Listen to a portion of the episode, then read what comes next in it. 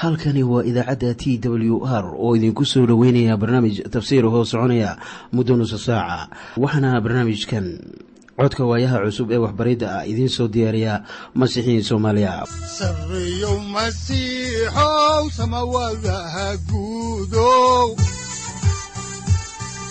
Siraadkii adduunkow subanaha eebow sareyow masiixow samawadaha guudow siraadkii adduunkow subanaha eebow adigoo samada jiro ifkaan soo saldhiganba adigoo samada jiro ifkaan soo saldhiganba kutubtiisanaye udanogu saaciiday sharxin sifahaaga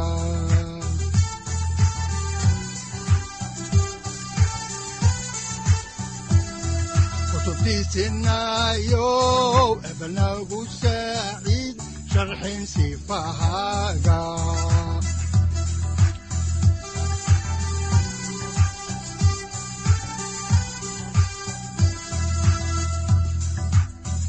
satirow ilaahow adanku su'aalne satirow ilaahow adanku su'aalne ku soo dhowaada dhegaystayaal barnaamijkeenna dhammaantiinba. Waxaan horay u sii ambaqaadi doonnaa daraasaadkii la magac baxay baibalka dhammaantii. Waxaannu caawa idiin sii wadi doonnaa kitaabka saddexaad ee muuse oo loo yaqaanno laawiyiinta waxaan sii wadi doonnaa cutubka labaad oo aynu horay idinku soo bilownay.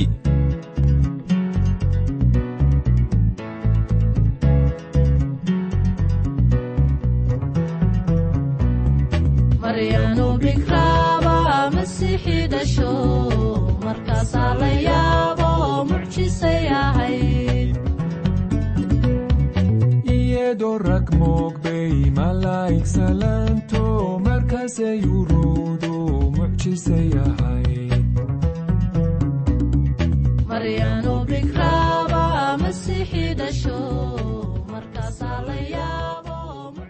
waxaannu markii ugu dambaysay idin akhrinay in ciise masiix noloshiisii ay ahayd mid ka farxisay aabbaha waxaannu nidhi noloshiisu waxay ahayd sida caraf udgoon imaanshihiisana ammaan tegitaankiisiina nimco iyo mahadnanaaqid haddaba waxaa jira laba ahmiyadood oo warbixintu ay leedahay. Waa waxyaabaha lagu soo daray iyo waxyaabaha laga mamnuucay oo aan lagu soo daraynin. Faahfaahin. Waa ee qurbaanka haruurka oo ah wanaagga masiixa wuxuu ku qoran yahay cutubka labaad. Waa mid laysku qasayo laakiinse aan la dubin. Sida ku qoran aayadaha kow ilaa saddex b mid laysku qasay oo duban sida ku qoran aayadaha afar ilaa saddex iyo toban. C midhaha ugu horreeya oo ah sabuulka oo lagu rusheeyey saliid iyo foox. Waxayna ku qoran tahay aayadaha afar iyo toban ilaa lix iyo toban. D sharciga qurbaanka haruurka ayaa isna ku qoran cutubka lixaad aayadaha afar iyo toban ilaa saddex iyo labaatan haddaba haddaan intaasi uga gudubno faahfaahintii ayaannu haatan eegaynaa maaddada ugu horraysa ee ah qurbaanka haruurka ee aan dubnayn. Haddaan halkaa ka sii wadno kitaabka ayaannu eegaynaa kitaabka laawiyiinta cutubka labaad aayadda koowaad oo leh oo markii qof qurbaan haruur ah rabbiga u bixinayo qurbaankiisu ha ahaado bur oo waa inuu saliid ku shubaa oo fooxna saaraa qurbaanka waa in loo bixiyaa bur wanaagsan. Maalmahaasna burku wuxuu ahaa mid xoogaa ka duwan kan aynu maanta haysanno. Waxaa markaa allabarigan loo bixiyaa kaamil darro haysata bini'aadanka. Waayo iyagu waa itaaldarran yihiin oo dembigana way u nugul yihiin. Qayb ka mid ah shakhsiyaddeenna ama qofnimadeenna ayaa ka horraysa qaybo kale oo ka mid ah shakhsiyadaheenna. Waxaan bartay cilmiga saykolojiyada qaybta loo yaqaano abnormal psychology. Markaana gundhigga cudurrada qaab kastoo ay leeyihiin ayaan arkayaa inay ku jiraan ama sal u yihiin kaamil darro qof waliba ee bini'aadan ah wuxuu leeyahay in gaar u ah oo uu dadka kale kaga hooseeyo. Haddaba waxaa jiray hal qof oo aan in lahayn. Wuxuu ahaa qofkaasi ciise masiix. Isagu dhan waliba kaamil buu ka ahaa. Haddaba haddii sayid ciise dadnimadiisii ay kaamilnayd ayna u baahneed isla markaasi ruuxa quduuska ah. Sida hubaasha ah aniga iyo adiga waxaynu u baahannahay ruuxa quduuska ah. Si ka badan sida ciise uu ugu baahnaa innagu waxba ma samayn karno. Markaana uunsiga waxaa loo sameeyey si qarsoodi ah. Waxaana lagu daraa beeyo sida ku qoran kitaabka baxniintii cutubka soddonaad aayadda soddon iyo afaraad. Laakiin waa la kala saaray fooxa ama beeyada iyo uunsiga. Waxaa laga sameeyaa geed waxaana carafkiisu uu soo baxayaa markii la burburiyo ama la tumo amase la shukulo. Haddaan dib ugu soo noqonno kitaabka laawiyiinta ayaa waxaa ku qoran cutubka labaad aayadda labaad sida tan oo isaga ha u keeno wadaaddada wiilasha haaruun ah oo cantoobo muggeed ha ka qaato burka iyo saliidda iyo fooxa oo dhan. Oo wadaadku xusuus ahaan meesha allabariga dusheeda ha ugu gubo. Waayo waa qurbaan dab lagu sameeyo oo rabbiga caraf udgoon u ah. Wadaadku wuxuu helayaa qayb ka mid ah cunnada la bixinayo sida abbaarta ah. Waxaa soo haray waa laysku qasayaa waxaana lagu gubayaa halka allabariga lagu bixiyo. Haddaan halkaasi ka sii wadno ayaa waxaa ku qoran aayadda saddexaad ee cutubkan labaad sida tan.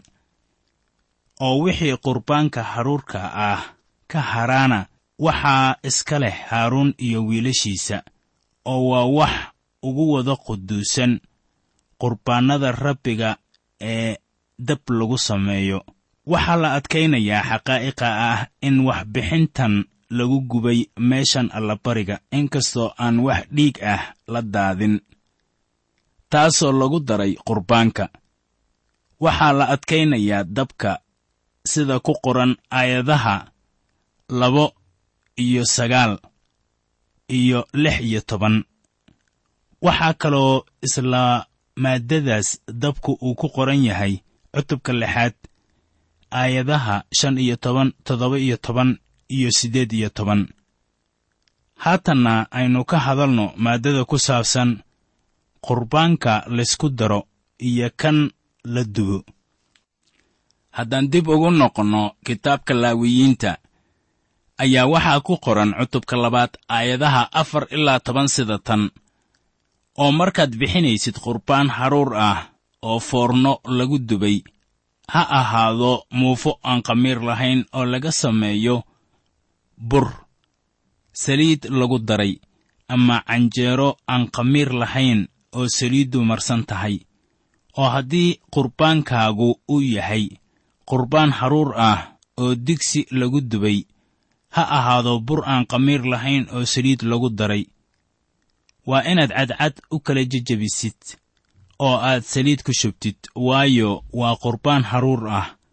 Oo haddii qurbaankaagu uu yahay qurbaan haruur ah oo birtaawo lagu dubay markaas ha laga sameeyo bur saliid lagu daray oo qurbaanka haruurka ah oo waxyaalahaas laga sameeyey waa inaad rabbiga u keentaa oo waa in wadaadka loo dhiibaa oo isna meesha allabariga ha keeno oo wadaadka qurbaanka haruurka ah waa inuu ka qaadaa intii xusuusta ahayd oo meesha allabariga dusheeda ha ku gubo.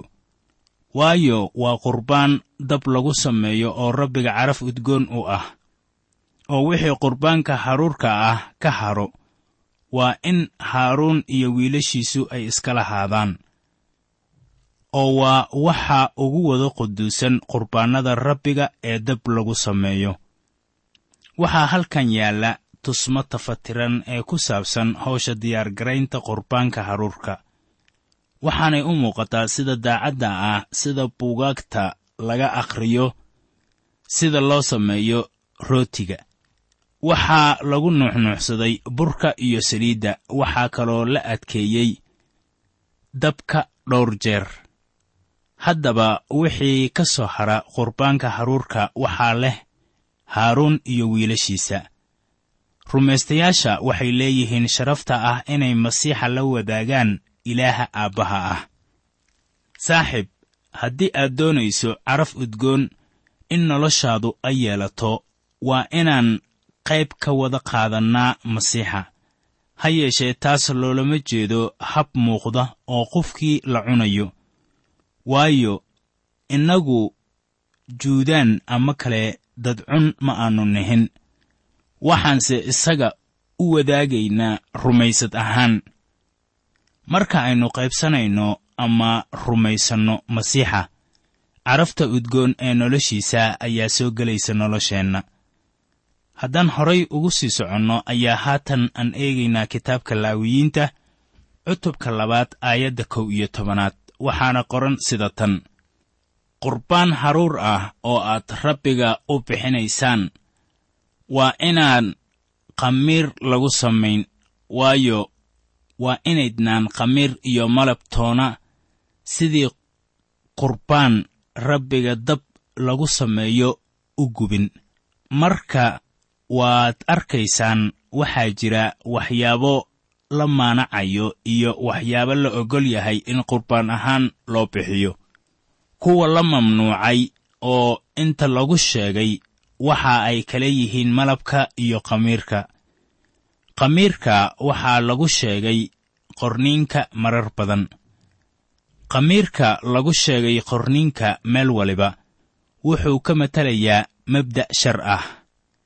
Sayidka ciise masiix ah ayaa wuxuu uga digay xertiisa khamiirka farrisiinta oo ah waxbariddooda ma jiraan qaynuun qalloocan oo ku jira nolosha ciise isagu dadka uguma baaqin nolol macaan welibana khamiir kuma jirin hadalladiisa taasoo u cuntami karaya qofka caadiga ah. Haddaan halkii ka sii wadno kitaabka laawiyiinta ayaa waxaa ku qoran cutubka labaad aayadda laba iyo tobanaad sida tan. Iyaga waa inaad rabbiga ugu bixisaa sidii qurbaan midhaha ugu horreeya ah. Laakiinse waa inaan meesha allabariga loogu dulgubin caraf udgoon aawadeed. Qurbaanka wuxuu ahaa mid leh caraf udgoon laakiin ma ahayn mid caraftiisu ay ka imaanayso walxaha khamiirka. Kamana ayaan imaanaynin macaanka dabiiciga ah ee malabka. Haddaan halkaasi ka sii wadno ayaa waxaa ku qoran kitaabka laawiyiinta cutubka labaad aayadda saddex iyo tobanaad sida tan. Oo qurbaan kasta oo ah qurbaankaaga haruurka ah waa inaad cusbaysaa. Oo waa inaadan innaba u oggolaan in cusbadii axdiga ilaahaaga ay ka maqnaato qurbaankaaga haruurka ah qurbaannadaada oo dhan waa inaad cusbo la bixisaa. Cusbada waa shayga ugu dambeeya ee lagu darayo qurbaanka haruurka. Cusbadu waa shay cunnada ka dhiga inayan qurmin waana shay sameeya waxa khamiirka aanu samaynin. Khamiirku wuxuu keenaa qurun. Cusbaduse waxay baabbi'isaa qurunkii cusbada axdiga ayaa weli laga isticmaalaa waddamada carabta taasoo u taagan sida shaabadda lagu sunto in dadku ay dhowraan ahdiyada ay galaan. Haddaba cusbadu waxa weeye aalad u taagan daacadnimada dhex maraysa kan allabariga bixinaya iyo ilaahay untay masiixu waa daacad. Daacadnimadu waa qayb ka mid ah wejiyada ama magacyada masiixa. Isagu waa aamin iyo run. Waxaa sidaasu ay ku qoran tahay muujintii cutubka sagaal iyo tobanaad aayadda kow iyo tobanaad. Isagu waa sayid ciise. Haatanna waxaynu eegaynaa maaddada ah midhaha ugu horreeya ee sabuulka lagu rusheeyo saliidda iyo barfuunka haddaan halkaasi ka sii wadno kitaabka laawiyiinta ayaa waxaa ku qoran cutubka labaad aayadaha afar iyo toban ilaa lix iyo toban oo ah dhammaadka cutubkan sida tan. Oo haddaad rabbiga u bixinaysid qurbaan haruur ah oo midhaha ugu horreeya ah qurbaankaaga haruurka ah oo midhaha ugu horreeya ah waxaad u bixisaa sabuul qoyan oo la dubay oo la tumay oo waa inaad saliid ku shubtaa fooxna saartaa waayo taasu waa qurbaan haruur ah oo wadaadku waa inuu gubaa intii xusuusta ahayd oo qaarkeed ha ahaado haruurka tuman qaarkeedna ha ahaado saliiddeeda iyo fooxeeda oo dhan. Waayo taasu waa qurbaan rabbiga dab lagu sameeyo. Ciidda midhaha ugu horreeya sida ku qoran laaweyiinta cutubka saddex iyo labaatanaad aayadaha sagaal ilaa afar iyo toban waxa weeye iidda qurbaanka haruurka iyo weliba iidda bentekost haatanna aynu eegno maaddada ah sharciga qurbaanka haruurka. Sharciga qurbaanka haruurka waxa uu ku qoran yahay kitaabka laawiyiinta cutubka lixaad aayadaha afar iyo toban ilaa saddex iyo labaatan. Wuxuu muujinayaa qurbaan waliba ee la gubo subaxda iyo fiidka inuu noqonayo qurbaanka haruurka waxaad eegtaa baxniintii cutubka sagaal iyo labaatanaad aayadaha sagaal iyo soddon ilaa afartan. Qurbaanka haruurka wuxuu masiixa inoogu muujinayaa sida isagoo la daahiriyey. Waxaa kaloo uu u taagan yahay qurbaanku daahirinta masiixiyiinta ku jira masiixa. Waxay sawiraysaa qofnimadii kaamilka ahayd ee masiixa maadaama halkaasi uu ku dhammaanayo cutubkan labaad iyo faalladiisii ayaannu haatan u weecanaynaa cutubka saddexaad. Sida caadada inoo ahayd waxaannu ku bilaabaynaa mawduuca cutubkan. Wuxuuna adkaynayaa ama ka faalloonayaa qurbaanka nabaaddiinnada. Qurbaankaas wuxuu ka hadlayaa wehelnimada rumaystayaashu ay kula jiraan ilaaha aabbaha ah. Marka ay ugu yimaadaan dariiqa ciise masiix habka keliya ee aniga iyo adiga aan ilaah ugu imaan karayno waxa weeye innagoo soo marayna ciise masiix. Isagu waa dariiqa keliya. Haddaba ma jira qurbaan keliya oo keeni kara ama ku filan oo kaafiyi kara layaabka faraha badan ee shakhsiyadda masiixa iyo wejiyadiisa badan ee ammaanta ah isla sidaa aynu ugu baahan nahay afarta injiil ee axdiga cusub kuwaasoo u sii gogol xaaraya noloshiisa ayaa haatan loo baahan yahay shanta allabari ama qurbaan ee ku qoran kitaabka laawiyiinta inay u sii gogol xaaraan shakhsiyaddiisa iyo howshiisa. Waxaan ogaan doonnaa inay jiraan isku barbardhig u dhexeeya qurbaanka nabaaddiinnada iyo qurbaanka gubniinka laakiin waxaan arkaynaa oo kale in farqi kale oo kala duwan uu u dhexeeyo markaan qurbaanka nabaaddiinnada waa mid khaas ah. Qurbaanka nabaaddiinnadu ka hadli maayo nabadda masiixu uu inoogu keenay dhiiggiisa. Markii uu isku tallaabta saarnaa maadaama taasu ay qusayso dembiga oo ay ku timaado qurbaanka aan ahayn midka leh carafta udgoon wuxuu ku saabsan yahay ama matalayaa masiixa oo laynooga dhigay nabaaddiinnadeenna qurbaanka nabaaddiinnada la adkayn maayo nabadda uu ku keenay dhiiggii iskutallaabta laakiin waxaa la adkaynayaa nabadda isaga uu noqonayo taasoo ay ugu wacan tahay dhiiggii iskutallaabta isagu waa halka ay ku kulmaan rumaystayaasha oo dhan iyagoo wada jira si uu rumaysto kastaaba ula joogo ilaaha aabbaha ah. Masiixa waa kan keliya ee jebin kara derbiga kala fogaynaya shakhsiyaadka qoysaska diimaha dadyowga iyo qaramada.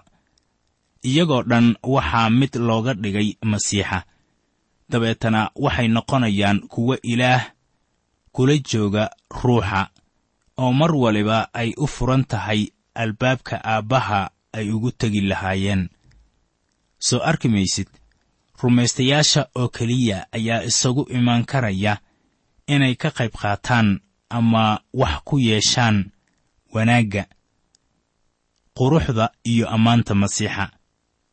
Waxay kaloo wehelnimo la yeelan karaan aabbaha oo iyaguna way wada jiraan maadaama ay wada wadaagaan waxyaabaha masiixa. Taasina waxaa adkaynaya rasuul yooxanaa markuu lahaa sida ku qoran warqaddiisii koowaad cutubka koowaad aayadda saddexaad. Wixii aannu aragnay oo aannu maqalnay ayaannu idinka warramaynaa si aad idinkuna noo soo wehlisaan. Oo wehelnimadeennu waa mid la jirta aabbaha iyo wiilkiisa ciise masiix. Qurbaanka nabaaddiinnada waa isku keenayaa dadka. Waa qurbaanka keliya ee markaan ku wareegsannahay ama hareero joogno shakhsiyadda masiixa aynu innaguna isku wehelsanayno. Saaxiibayaal ha igu odhanina waxaan la joognaa ama weheshannaa qof waliba anigu ma weheshado qof waliba laakiin ma jiraan wax iga celinaya inaan weheshado qof kasta. Anigoon eegayn cidda uu yahay. Haddii qofkaasu uu ila hareera istaago shakhsiyadda ciise masiix halkaas waannu ku midaysannahay oo innaga oo dhan mid baynu ku nahay. Waxaanan ku raaxaysanaynaa shakhsiyadda masiixa haatanna aynu eegno inta cutubkani uu u kala baxayo. Markaana qurbaanka nabaaddiinnada waa masiixa nabaddeenna ah ayaa lagu qoray cutubkan saddexaad oo u kala baxaya ee allabariga loda sida ku qoran aayadaha hal ilaa shan b allabariga adhiga oo isna ku qoran aayadaha lix ilaa kow iyo toban c allabariga idaha sida ku qoran aayadaha laba iyo toban ilaa toddoba iyo toban. D. Sharciga qurbaanka nabaaddiinnada wuxuu ku qoran yahay cutubka toddobaad aayadaha kow iyo toban ilaa toddoba iyo toban. Haddaan halkaasi uga baxno inta aayadaha cutubka saddexaad ay ka koobnaayeen ayaannu haatan eegaynaa maaddada ah allabariga qurbaanka nabaaddiinnada. Haddaan markii ugu horraysay idiin akhrinno cutubkan saddexaad ayaan eegaynaa aayadda koowaad. Waxaana qoran sida tan oo haddii qurbaankiisu uu yahay allabari qurbaanno nabaaddiinno ah oo uu lo'da ka bixinayo lab ama dhidig miduu yahayba waa inuu rabbiga hortiisa ku bixiyaa neef aan iin lahayn. Haddaba qurbaanka nabaaddiinnada marka si loo eego waa mid la fahmi karayo dembiilayaasha waxay u imaan karaan ilaah. Waayo masiixa wuxuu nabad ku keenay dhiiggiisii isku tallaabta. Waxaa kaloo jira wehelnimo ilaah lala lahaanayo iyo wehelnimada lagula lahaanayo nabadda ku timid dhiigga isku tallaabta masiixa iyo hawshii furashada. Waxaa la adkaynayo ee qurbaanka nabaaddiinnada ayaa ah wehelnimada su'aasha halkaa ka soo baxaysa waxa weeye adigu miyaad ilaah la heshiinaysaa.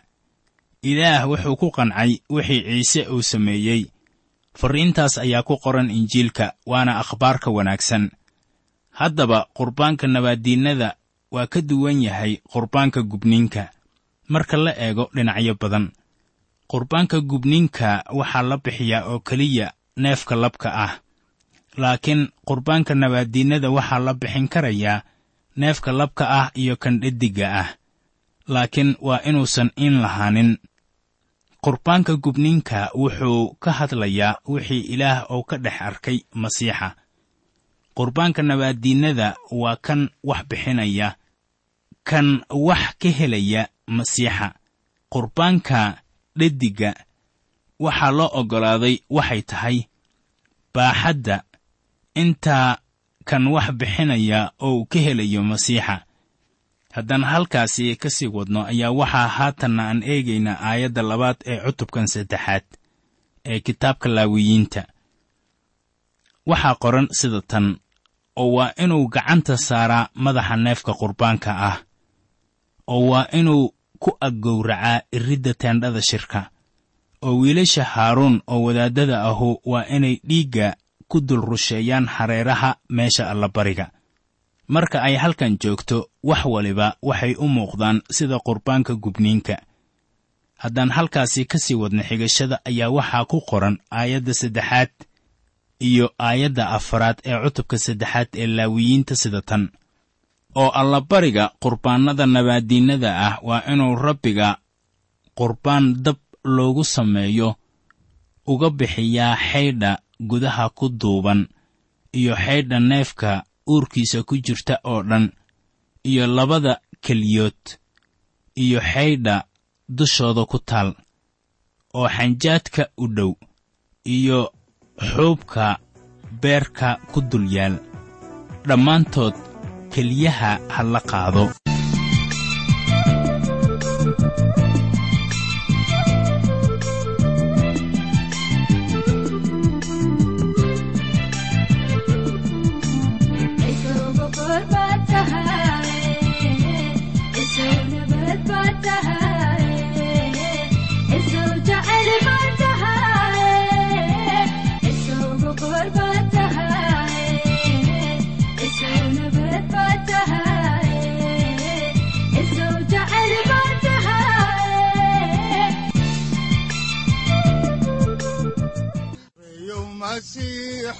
masiixow samawadaha guudow siraadkii adduunkow subanaha eebow adigoo samada jiro ifkan soo saldhiganba adigoo samada jiro ifkan soo saldhiganba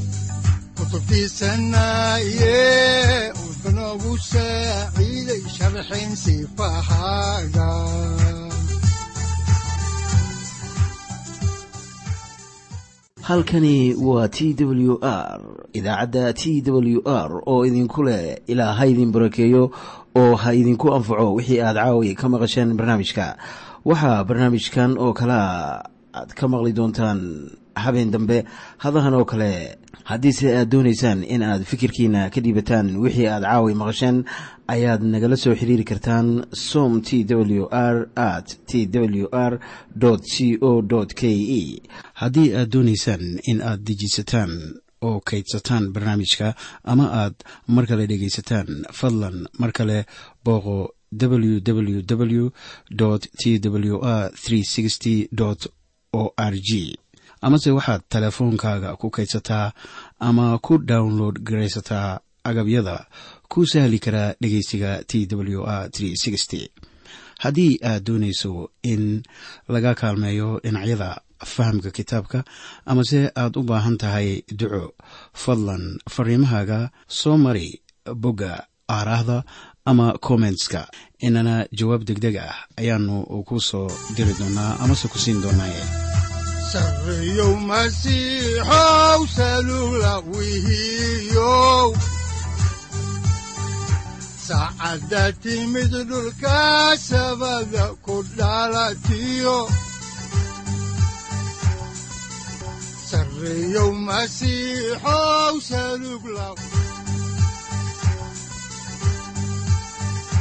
halkani waa t w r oo idiin rajaynaya habeen baraare iyo barwaaqaba leh. Inta aynu ka gaari doono wakhti aynu ku kulanno barnaamij la mida kan caawayay aad maqasheen. Waxa aan idinku leeyahay nabadda ciise masiix ha idinku badato xagga jidhka iyo ruuxaba. Aamiin